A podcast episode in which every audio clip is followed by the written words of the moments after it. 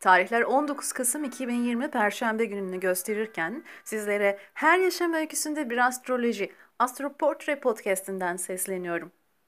Bu hafta Instagram sayfamda yapmış olduğum bir Merkür portresi için Astroportre takipçilerinin oylarıyla seçilmiş edebiyat nişi şahsiyet Tolstoy'un natal haritasına birlikte bakalım istiyorum. Yarın ölümünün 110. senesi olan Leo Tolstoy 9 Eylül 1828'de doğdu. Bu tarihe göre çıkartılmış natal haritasında yükselen noktası Yengeç Burcu ile kesişen yazarın Oğlak Burcu'ndaki Neptün-Mars kavuşumu da alçalan noktası üzerinde. Dolayısıyla yükselen noktası ile karşıtlık yapıyor. Nitekim Neptün, Tolstoy'un doğum haritasında oldukça belirleyici. Bir natal haritanın en önemli dört noktasından ikisi olan yükselen alçalan noktaları ile etkileşimde. Oğlak Burcu gibi yücelimde yerleşmiş Mars ile kavuşum ve Güneş, Merkür ve yükselen yöneticisi olarak önemi vurguda Ay ile stelyum oluşturan 3. evdeki Başak Havzası'nı üçgen yapıyor. Bir natal haritada Ay, Güneş gibi ışıklar ve Merkür, Mars, Venüs gibi kişisel olarak adlandırdığımız gezegenlerle Jüpiter, Satürn, Uranüs, Neptün, Plüto gibi toplumsal ve kolektif gezegenlerin irtibatları oldukça önemlidir. Ağır hareket eden ve ikinci sırada saydığım gezegenler tarafından hızlı hareket eden ışıklar ve kişisel gezegenler arasındaki açı türüne bağlı olarak doğalarınca salt taşıdıkları potansiyellerce bir tür başkalaşıma uğrarlar. Örneğin burada alçalan üzerinde yerleşik Mars-Neptün kavuşumunu ele alalım. Mars oğlak prensiplerince ciddiyetle ve sorumlulukla harekete geçmek demektir. Aksiyon alırken, isteklerinin peşinden giderken, duygulardan ziyade bir başarı ve statü motivasyonu ile davranmak demektir. Mars'ın mücadele semboliğinden hareketle buradaki mücadele somut ve kalıcı arzular içindir. Bu nedenle Lay Laylom'dan uzak, gerçekçi ve yılmaz, azimli bir prototiptir Mars Oğlak yerleşimi. Oğlağın zirve ile birlikte anılmasından hareketle Mars Oğlak'ta zirve için cesaretle davranabilme kapasitesi demektir.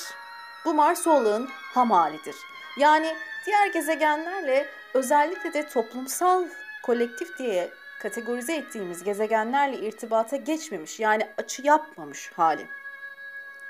Neptün Mars ile açı oluşturduğunda özellikle de Tolstoy'un haritasındaki gibi en güçlü açılardan biri olan kavuşum yaptığında Neptün doğası Mars üzerinde hakim unsur olur. Yani Mars Neptünyenleşir. Neptünyenleşmiş bir gezegen ise çözülmüş demektir. Sahip olduğu potansiyelin çizgileri her ne kadar sağlam olursa olsun o sağlamlığın adeta bulanıklaştığını, sis altında kalmış gibi göründüğünü algılayabiliriz. Buradaki sisi belirsizlikler, kararsızlıklar, kafa karışıklıkları olarak karakterize etmek mümkündür. O halde Neptünyen Mars oğlu bütünüyle gerçekçi ve yılmaz, ciddi ve sorumluluk sahibi olarak değerlendiremeyiz. Bu potansiyeller çözünük haldedir ve kaygan bir zeminde yerleşik gibidir. Elle tutulup gözle görülmesi mümkün olmayan, bilindik sınırları aşan, hayal gücü ve ideallere, dolayısıyla inancı açılan ruhsal duyarlılık gibi Neptün sembolikleri Mars ile buluşur. Dolayısıyla Mars'ın oğlak zirvesi artık somut değil, soyut, materyalist değil, manevidir. Arzuların doğası ruhanidir ve elbette sanatsaldır. Bu yerleşimin 7. evde yer alması eş ile bir mücadele temasını olası kılarken Neptün ile kavuşumu bu mücadelenin e, doğasını da aslında tanımlıyor. İdealistik. Nitekim Tolstoy'un yaşama ait somut arzuları o denli çözünük ki kitaplarından elde ettiği telif haklarını bile almak istemiyordu ve bu eşi Sofya ile aralarında büyük gerilimlerden birini oluşturuyordu. Gelelim Tolstoy'un 1853'te günlüğüne aldığı şu notunda refaketinde 3. evdeki Başak Stelyumuna. Şöyle der. Evet benim başlıca talihim muhteşem zekamdır. Tolstoy'un zekası muhteşem miydi tartışılır ancak astrolojik açıdan değerlendirildiğinde bu iddiası çok da anlamsız değil. Merkür çok güçlü bir potansiyel taşıdığını e, astrolojik lisanda onayladığını görüyoruz. Merkür 3. evde ikizler ve başak burçlarında yönetici kabul edilir. Bu da bu yerleşimdeki Merkür'ün tüm doğasını ortaya koyabileceği anlamına gelir. Elbette buradaki manzaranın güneşli mi yoksa bulutlu mu olduğunu, burcun gölgeli özellikleri ve aldığı açılar belirler. Burada Tolstoy haritası örneğinde başağın kritik etme ve mükemmeli arama, olanla olduğu kadar yetinmeme, duyguların yatsınması, adeta aklın, rasyonelliğin mükemmeliyetçi bir arayışla kutsanması ham potansiyel olarak olasıdır. Ancak Tolstoy haritasında Başak Stelyumu'nun önündeki açı Neptünyen Mars iledir ve toprak üçgeni niteliğindedir. Dolayısıyla kişiliğinin, güneşinin ve duygu dünyasının yani ayının tam da ortasına yerleşerek merkeziliğini ortaya koyan Merkür, Tolstoy'un bir zihin insanı olduğunu ifade ediyor. Merkür'ün Başak'taki yöneticiliği ikizlerde olduğu gibi konuşmaktan ziyade yazmaya yöneliktir. Çünkü Başak soyut ve çok sayıda düşüncenin analize götürülmesi, dolayısıyla ayıklanması, yararlı olanın yararsız olandan ayrılarak somut bir üretime dönüştürülmesidir. Bu nedenle Tolstoy'un yaklaşık 22 yaşından 82 yaşına dek 60 sene eser verdiğini bilmek şaşırtıcı değil.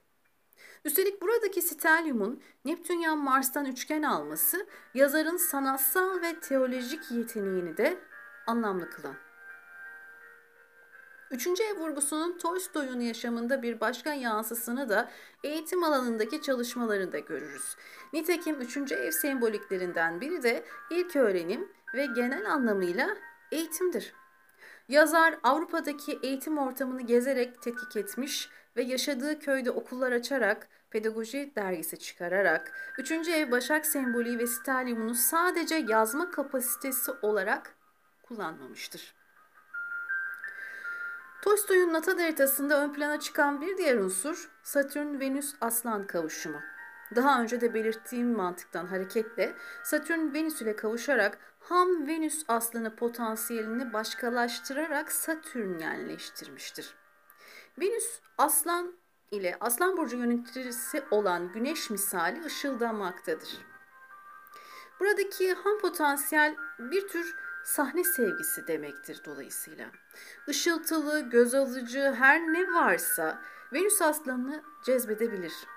Beri taraftan yine bir güneş misali ön planda olmak, merkezde durmak, alkışlanmak, dolayısıyla popülerlik, şan, şöhret sevgisidir. Oysa ki Satürn doğası tamamen farklı şeyler söyler. Ağırbaşlılık, gösterişsizlik, sadelik, çekingenlik Satürnyen prensiplerdendir. Satürn Venüs aslanının iddialı mizacını Satürn adeta kısıtlar. Krallar gibi sevmeye ve sevilmeye layık bildiğin ne varsa Venüs aslanının elinden alınmış gibidir. Tabiri caizse kral burada çıplak kalmıştır. Cömertçe seven ve sevilmek isteyen Venüs aslanının sevgiyle ilgili artık korkuları vardır. Her şeyden önce öz değerle ilgili aşılması gereken duvarlar, alınması gereken dersler vardır Satürn-Venüs açılarında. Sofya Tolstoy'un katı kalpli ve sevgisiz olduğundan bahseder. Oysa ki Tolstoy'un öz değeri temsil eden Venüs göstergesi abartılı büyük bir yara sembolü olan Jüpiter Satürn zıtlığı arasında ve Satürn kalesinde yapayalnız adeta abluka altında kalmış gibidir. Özdeğer problemi az önce de bahsetmiş olduğum Venüs, Şiron ve Satürn açılarında olası iken sevgiyi deneyimlemesi oldukça zorlaşır.